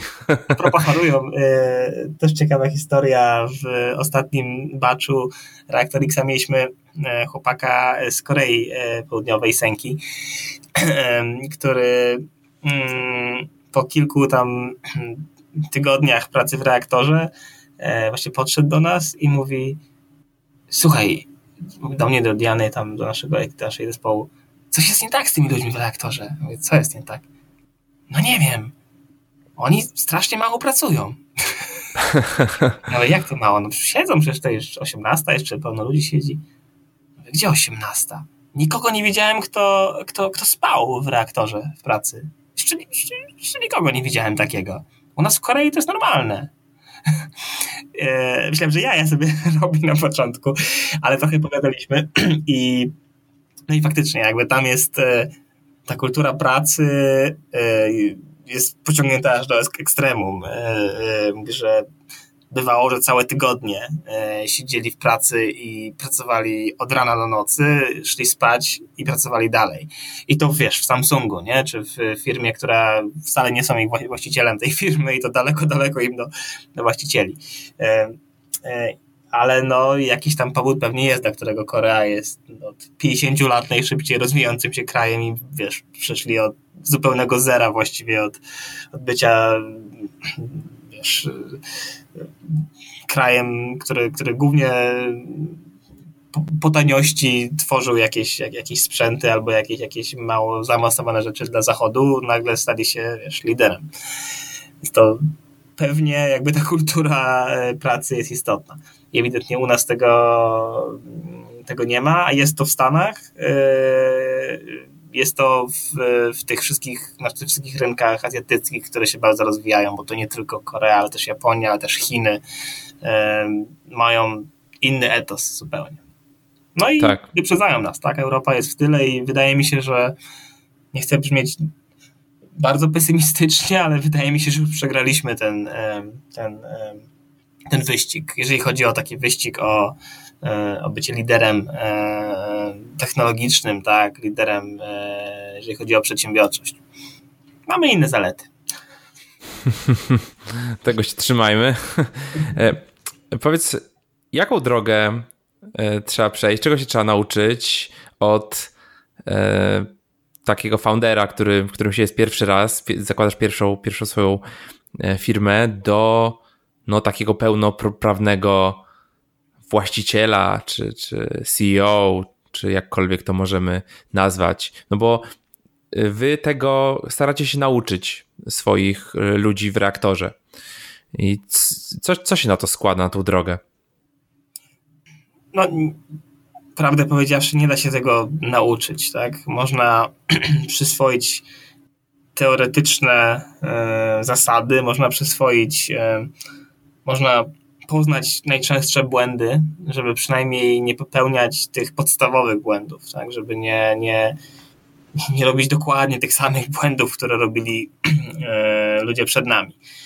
Ale no, no nie ma lepszego nauczyciela niż, niż praktyka, więc po prostu trzeba zacząć bardzo wcześnie i trzeba od samego początku, jeżeli chcesz iść w kierunku tworzenia swojej firmy, ja bym namawiał, wiesz, dzieciaków już w liceum, żeby tworzyli projekty, żeby organizowali, e, żeby organizowali się i, i, tworzyli coś, coś nowego. To może być, wiesz, e, gazetka szkolna. Teraz pewnie się nie robi gazetek szkolnych, no ale podcast, wideokast, społeczność, wiesz, i gamingowa, cokolwiek. Chodzi o to, żeby budować, żeby wiedzieć jakby, gdzie jest twoja jakaś pasja i przynajmniej w tym momencie, kiedy możesz to robić i masz czas, bo w liceum, na studiach ma się mnóstwo czasu,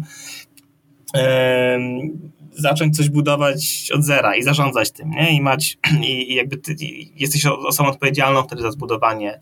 To nie musi być e, firma, aczkolwiek to oczywiście też można, ale to może być cokolwiek, co wymaga organizacji, bo ty wtedy uczysz się jakby takich podstaw, które później będą, wiesz, owocować, jak będziesz tworzyć firmę, będziesz zarządzać ludźmi, e, będziesz musiał albo musiała zarządzać konfliktami, z innymi zupełnie nie, sprzecznymi osobowościami, e, innymi celami i tak dalej.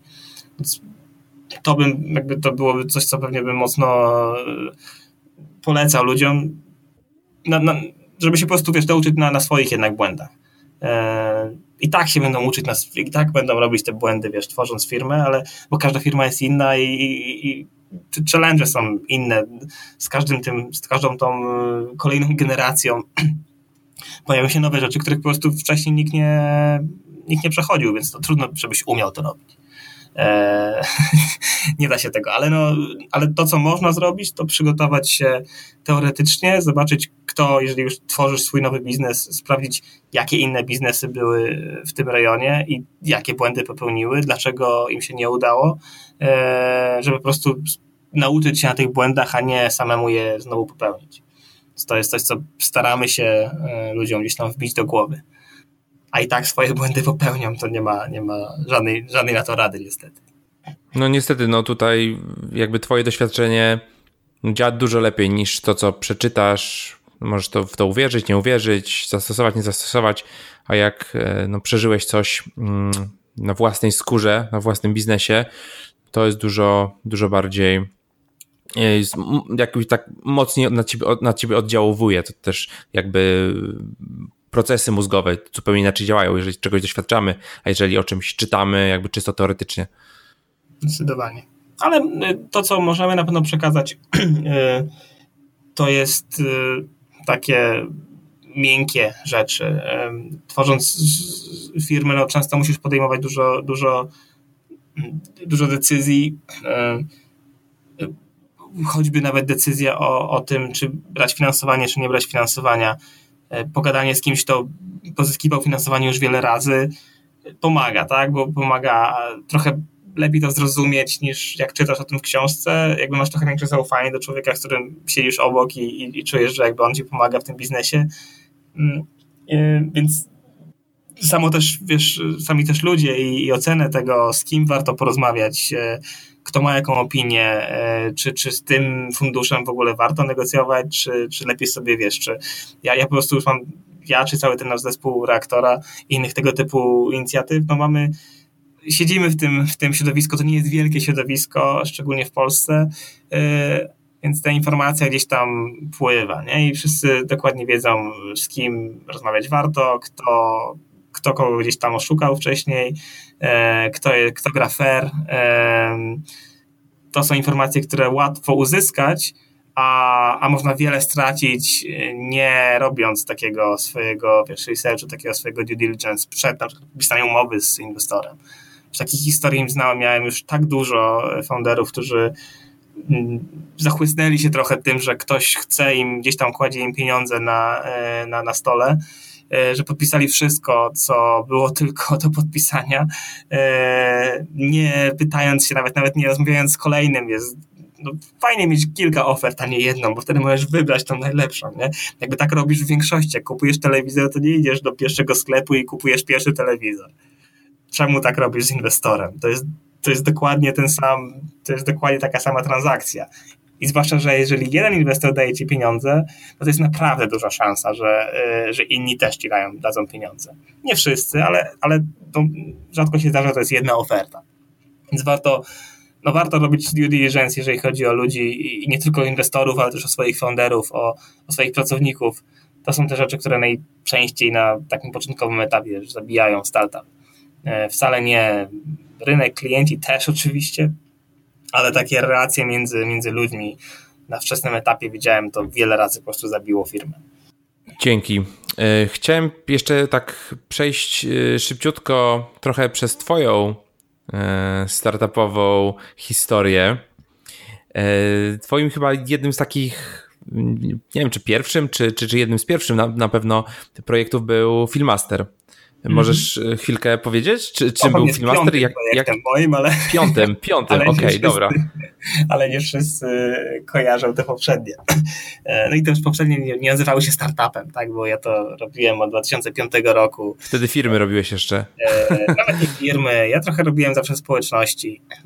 Tworzyłem najpierw społeczność fanów Linuxa w Polsce. O takie strony jak, jak Linux.org, czy Linux News, czy OS News. OS News jeszcze istnieje do dzisiaj. Jakby to były te rzeczy, na których się uczyłem trochę budować społeczność i budować coś, co działa, nie jakąś stronę, która ma nagle, wiesz, kilka milionów wyświetleń, ludzie przychodzą na nią codziennie i czerpią z niej informacje. To było bardzo fajne. Wow. Filmaster to była pierwsza firma, która, a, pozyskałem finansowanie na jej rozwój, najpierw z grantu od, e, od PARP-u, później od mm, niemieckiego inwestora Larsa Hinricha, Sackfowald, a później jeszcze od takiej mm, od kilku inwestorów, takich aniołów biznesu z całej Europy. Więc to był pierwszy poważny biznes, gdzie miałem co-founderów, miałem pracowników, e, miałem produkt, miałem klientów, miałem sprzedaż międzynarodową i tak dalej. A wcześniej to była trochę hobby, zabawa, aczkolwiek miałem ofertę e, sprzedaży jednego z moich poprzednich serwisów. No to, by to były te, te serwisy, tak, Linux, Linux.org, Linux tak, News tak. E, i co jeszcze przed Filmasterem tam było? E, OSNews.pl to był chyba największy. On cały czas jeszcze istnieje, ale już ja go teraz nie rozwijam. To był to był projekt, który właściwie w trzy tygodnie zbudowałem, jak czekałem na swój projekt w Deutsche Banku pracując w Wielkiej Brytanii. E, zostałem zatrudniony do firmy, ale nie miałem projektu. Bo chcieli no, mnie. Zdarza bo, się. Bo po prostu przeszedłem wszystkie tam te programistyczne testy dobrze, a a później się okazało, że nie ma projektu, więc stwierdziłem, dobra, to sam sobie zrobię projekt. No i stworzyłem OS News. E, I to był serwis, który właściwie w ciągu roku rozwinął się do takiego lidera rynku tych takich newsów, szybkich newsów technologicznych. W, to był 2007 rok. Jeszcze przed Spiders Webem, chyba jeszcze przed Antywebem, albo Antyweb był wtedy jeszcze takim małym blogiem. E, no nie pociągnąłem tego w tym kierunku, bo dosyć szybko e, jakby ta pasja filmów mnie e, całkowicie jakby pochłonęła i tamten serwis po prostu sobie zaczął, no, to był taki trochę wykop, każdy mógł dodać z jakiegoś tam newsa, więc to się samo trochę kręciło, a ja się skoncentrowałem na, na Filmasterze, po prostu w tym momencie filmy to było coś, co mnie, co mnie najbardziej kręciło. I jak, e, na, na czym polegał w ogóle Filmaster i powiedz mi, jak to zmonetyzować w ogóle? Tak, gdybym o tym wiedział, to bym pewnie nie zaczynał nigdy tej firmy. Bardzo trudno to zmonetyzować. to pierwszy pomysł to był taki, żeby stworzyć system e, rekomendacji filmów na podstawie twojego gustu. To było dużo przed tym, jak zrobił to tam Filmweb i kilka innych firm, które robią to teraz. E, to był 2009 rok i znałem jeden serwis, który to robił, ale nie podobało mi się w jaki sposób to robił, więc napisałem swój własny algorytm rekomendacji filmów, gdzie można było ocenić każdy film tam gwiazdkami od 1 do 10. No i dosyć szybko zaczął polecać na podstawie tego, co inni ocenili, którzy lubią rzeczy podobne jak ja. I to bardzo fajnie działało. E, można było, miałem kilka tysięcy ludzi, którzy w ciągu pierwszego miesiąca zarejestrowali się, yy, zaczęli oceniać te filmy. Miałem tam od razu miliony ocen, bo to każdy, byli ludzie, którzy po 300-400 filmów w jednej sesji ocenili. E, totalni maniacy filmowi. No i ten system zaczął sobie bardzo fajnie działać, zaczął polecać fajne rzeczy i zbudował się bardzo szybko, udało nam się zbudować taką społeczność takich totalnych geeków filmowych. Ludzi, którzy wiesz, chodzą na, na festiwale, oglądają po 5-6 filmów dziennie na tych festiwalach poznałem w ogóle mnóstwo tych ludzi i to są moi świetni znajomi do dzisiaj, więc to była bardzo fajna, e, fajna ta, taki aspekt, którego się nie spodziewałem w sumie tworząc tą, tą społeczność. Problem był w tym, że tych geeków nie było aż tak wielu. E, udało nam się dojść do takiego chyba maksimum rzędu 100 tysięcy czy 150 tysięcy e, użytkowników i gdzieś jakiś sufit uderzyliśmy w, tam, w tym momencie byliśmy też w Wielkiej Brytanii, w Polsce, w kilku, w kilku miejscach to odpaliliśmy. E, mieliśmy nawet sporo różnych takich e, fajnych partnerstw z dużymi festiwalami filmowymi, jak Nowe Horyzonty, czy, czy, czy w Polsce, czy Raindance w, w Londynie. e, ale nigdy nie udało się dojść w tej konsumenckiej wersji naszego systemu do takiej skali, gdzie, gdzie zarobki na przykład na reklamach byłyby na tyle duże, żeby w ogóle, wiesz, choćby utrzymać ten zespół. Mieliśmy tam chyba wtedy 5 czy 6 osób. Więc w tamtym momencie, to był 2011 rok, jak stwierdziliśmy, że konsumencka część tego biznesu chyba nie będzie nam przynosić kasy, ale, ale wszyscy super oceniają ten system rekomendacji. Więc postanowiliśmy, że po prostu spróbujemy sprzedać ten system rekomendacji yy, innym tego typu serwisom, które już mają klientów. I wtedy właśnie pozyskaliśmy pierwszą taką poważną rundę finansowania. Tam było około milion złotych od właśnie niemieckiego inwestora Hackforward. E, głównie na to, żeby zbudować właśnie ten system taki B2B. E, I to był ten moment, kiedy trochę mieliśmy, no, zmieniliśmy w ogóle strategię i poszliśmy w kierunku rozmów z konkretnymi klientami. To były sieci kin i serwisy typu VOD. I to zaczęło całkiem nieźle śmigać. Mieliśmy, udało nam się pozyskać e, chyba z trzech czy czterech takich dużych klientów, czyli połowę właściwie sieci kin z Wielkiej Brytanii. Empire, Real i Odeon E, w Niemczech mieliśmy ProSieben, e, czyli tą wersję VOD ich serwisu telewizyjnego. E, oni płacili co miesiąc pieniądze za, to, za tą usługę, więc zaczęło to się jakoś tam kręcić. Zaczęliśmy w końcu zarabiać więcej niż wydawaliśmy, co było, co było dla mnie niesamowite dosyć, bo dobre trzy lata właściwie byliśmy pod, pod kreską. Z czego się utrzymywaliście wtedy, jak byliście pod kreską ciągle? przez jakiś czas z grantu od, od Parpu. E, wszyscy hejtują program 8.1, ale dzięki niemu, wiesz, rzuciłem korpo w Londynie, dobrze płatną pracę i przyjechałem do Polski i zacząłem robić biznes. Więc, I zbudowałeś serwis społecznościowy dla kotów wtedy. Tak, dokładnie. Twój dokładnie pierwszy projekt.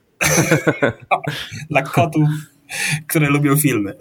O, no. E, dokładnie tak. E, więc z tego plus z moich własnych oszczędności. Ogólnie wydałem wszystko, co miałem, co, co zarobiłem. E, to nie była zbyt mądra decyzja, ale co robić? No, kupiłeś naukę po prostu. Trochę tak. Na żywym no, organizmie. Jakby no strasznie żałuję, że w tamtym momencie nie byłem w, w jakimś takim właśnie programie typu Reactor X, bo mocno by mi to pomogło i myślę, że przyspieszyłoby mi mocno rozwój tych błędów nie popełnił tyle. Dużo, byłem też bardzo wolny, bardzo wolno iterowaliśmy. Dużo wcześniej trzeba było zamykać projekty, e, które widać było już, że nie, nie działają. My jakoś chcieliśmy je dopchnąć do końca i robiliśmy też zbyt wiele rzeczy naraz. Było ileś takich, wiesz, typowych błędów, które wszystkim się mówi, nie róbcie tego, fokus, fokus, fokus.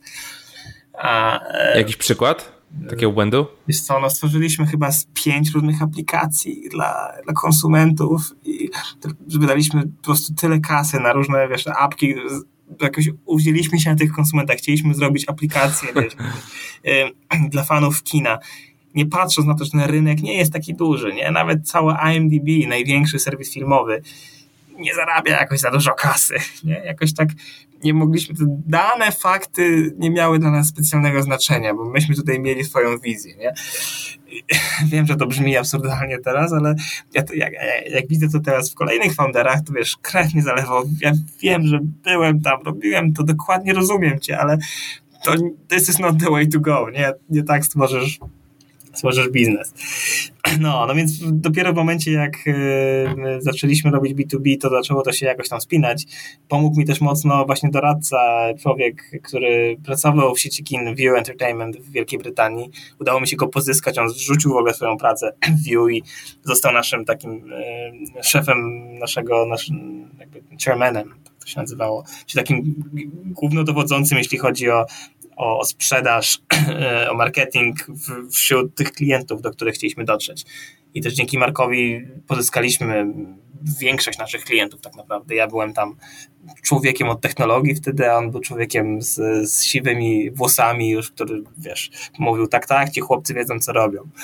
No i udawało się, tak, jakby mieliśmy sporo, sporo fajnych sukcesów, ale też to nie był, dlatego mówię, że to nie był taki niesamowity sukces, jak, jak, jak, jak, jak ileś innych filmów, o których mówiłem wcześniej, że jednak doszliśmy też do jakiegoś tam sufitu. Ten rynek w ogóle rekomendacji, sprzedaży rekomendacji jako serwisu nie był jakiś taki bardzo duży. Na całym świecie tych firm było może z tysiąc, które mogły coś takiego płacić. Każdy płacił maksymalnie z 5 tysięcy euro miesięcznie. Jak to policzysz, no to nie, nie, nie, wychodzi z tego jakiś niesamowity biznes, tak jakbyśmy mieli całość tego rynku. E, więc jak e, dostałem w pewnym momencie ofertę e, od, od Samby, czyli od firmy, która w końcu przejęła naszą, naszą, naszego filmastera, e, no to było coś, co długo nad czymś, nad czymś długo debatowaliśmy. Eee, I odrzuciliśmy tą ofertę w tamtym momencie, więc to tak było, że dostaliśmy ofertę sprzedaży i dopiero po roku tak naprawdę ta sprzedaż się zadziała, eee, bo sami stwierdziliśmy, że jeszcze mamy dużo więcej przed sobą i możemy, e, i możemy jednak być lepsi od nich. Ale więc to po roku jakoś doszliśmy do wniosku, że po prostu to się nie rozwija na tyle szybko, jak ile byśmy chcieli a z drugiej strony Samba e, robiła bardzo podobne rzeczy, ale weszła z zupełnie innej, innej, innej, innego, innej części. My zaczęliśmy od technologii, oni zaczęli od, od klientów i sprzedaży reklam. Ten sam biznes, personalizacja, systemy rekomendacji, ale zupełnie inne podejście do, do klientów. No i Samba miała w momencie, jak nas przejmowała, pewnie już kilka milionów dolarów przychodu, a my mieliśmy pewnie kilkaset tysięcy złotych przychodu. E, no i, i, i jakby tak się zakończyła ta historia, ta historia Filmastera, sama nas wchłonęła, e, co było super rozwiązaniem dla obu stron. A, tak. Możesz podać jakieś kwoty? Jakie tam wystąpiły? Wiesz co, kwoty były wszystkie e, ściśle tajne przez poufne, ale to głównie dlatego, że Samba była firmą prywatną i nie, nie, jakby nie miała konieczności ujawniania e, wszelkich kwot akwizycji. Ale to, co gdzieś tam zdradzaliśmy, no to to, że wszyscy inwestorzy na tym zarobili, e, nasi Filmastera,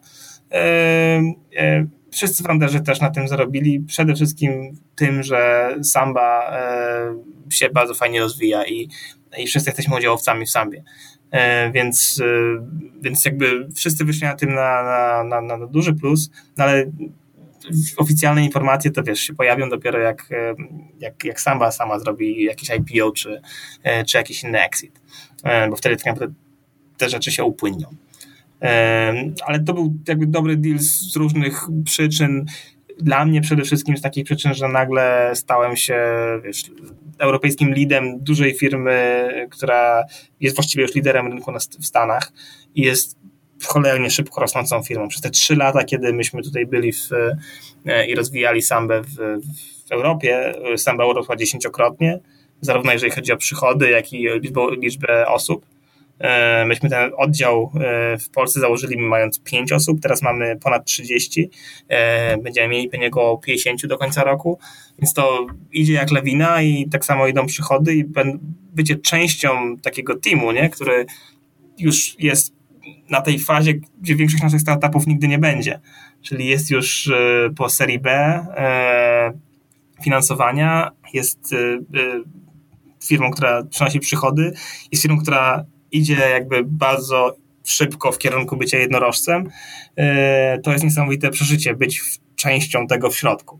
I każdemu w sumie tego jakby bym życzył, żeby przez chwilę chociaż popracować, nawet jeżeli samemu się nie uda ci zrobić takiej firmy, to chociaż bycie częścią, wiesz, gdzieś tam decyzyjną częścią e, e, takiej firmy to jest, to jest no też niesamowicie, jeżeli chodzi o, o samo wiesz, uczenie się. E, I myślę, że to będzie procentować mi też mocno w, w przyszłości. Po prostu rozumiem, jak, jakie problemy takie firmy mają. Nie będąc w środku, trudno sobie takie rzeczy po prostu wyobrazić.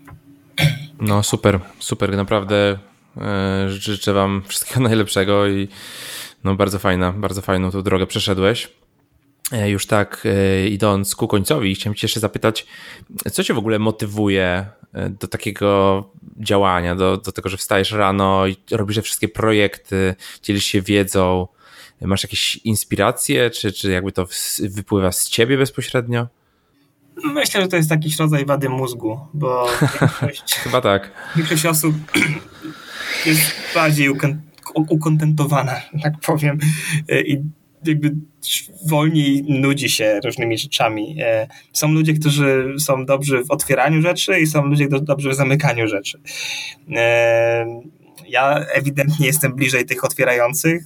Po prostu najbardziej jara mnie, wiesz, tworzenie czegoś zupełnie nowego, budowanie, ale też nie, jakby nie lubię zostawiać rzeczy samych sobie, tak? Lubię rzeczy, które gdzieś tam się e, dochodzą do jakiegoś końca. Jakby to, to jest też powód, dla którego pewnie Filmmaster przetrwał, bo wiele razy można było to zamknąć i to samo było z, z reaktorem. Wiele razy musiałem dokładać do tego z własnej kasy, nie wypłacać sobie pensji e, przez kilka miesięcy. E, byłem na garnuszku żony przez jakiś czas, więc ileś do takiej determinacji jednak trzeba, żeby dopinać rzeczy do końca, ale no, na pewno jara mnie zdecydowanie tworzenie rzeczy nowych i często jest tak, że po prostu po jakimś czasie zostawiam coś, co jest fajnie funkcjonujące, znajduję ludzi, którzy to przejmują i, i, i dają to, jakby to wykopują na jeszcze kolejny poziom. Tak było z reaktorem, gdzie tak naprawdę dwa lata temu przekazałem całość Dianie. Diana zrobiła, wiesz, małego coworku, który miał fajną społeczność, zrobiła topowy akcelerator w Polsce e, razem z Agatą, które właściwie w tym samym momencie tak naprawdę dołączyły. E, ja cały kredyt dostaję za to, a tak naprawdę ja tam e, byłem doradcą, a Diana była główną osobą, która e, cały ten program zbudowała i, i day to day e, działała z tymi startupami. E, no więc to mnie po prostu kręci. No. Kręci mnie tworzenie takich rzeczy i kręci mnie to, że widzę, że takie projekty jak Reaktor, jak, jak, jak Filmaster i teraz Samba, jak Startup Poland idą, działają, rozwijają się i ja już nawet nie muszę wszędzie, wiesz, codziennie sprawdzać, czy to działa. Po prostu jest ta machina, która, e, która fajnie się kręci. Machina i ludzie, nie?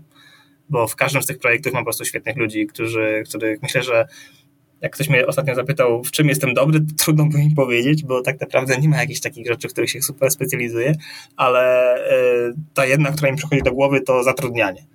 W tym naprawdę jestem dobry i tutaj nie będę się fałszywie skromny, naprawdę dobrze mi wychodzi zatrudnianie, zatrudnianie ludzi.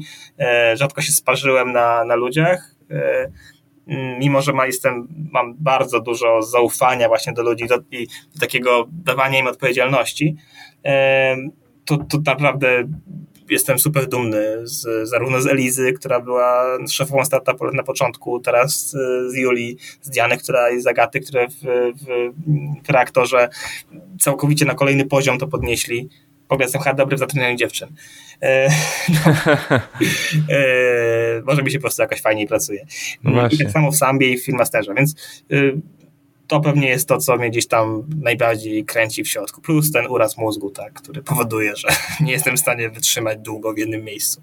No i na pewno jesteś dobrym inicjatorem, jeżeli budujesz tak dużo e, różnych przedsięwzięć, które potem są sukces, suk, suk, suk, sukcesami. To na pewno świadczy o tym, że, że umiesz e, jakby rozpoczynać różne, różne nowe inicjatywy.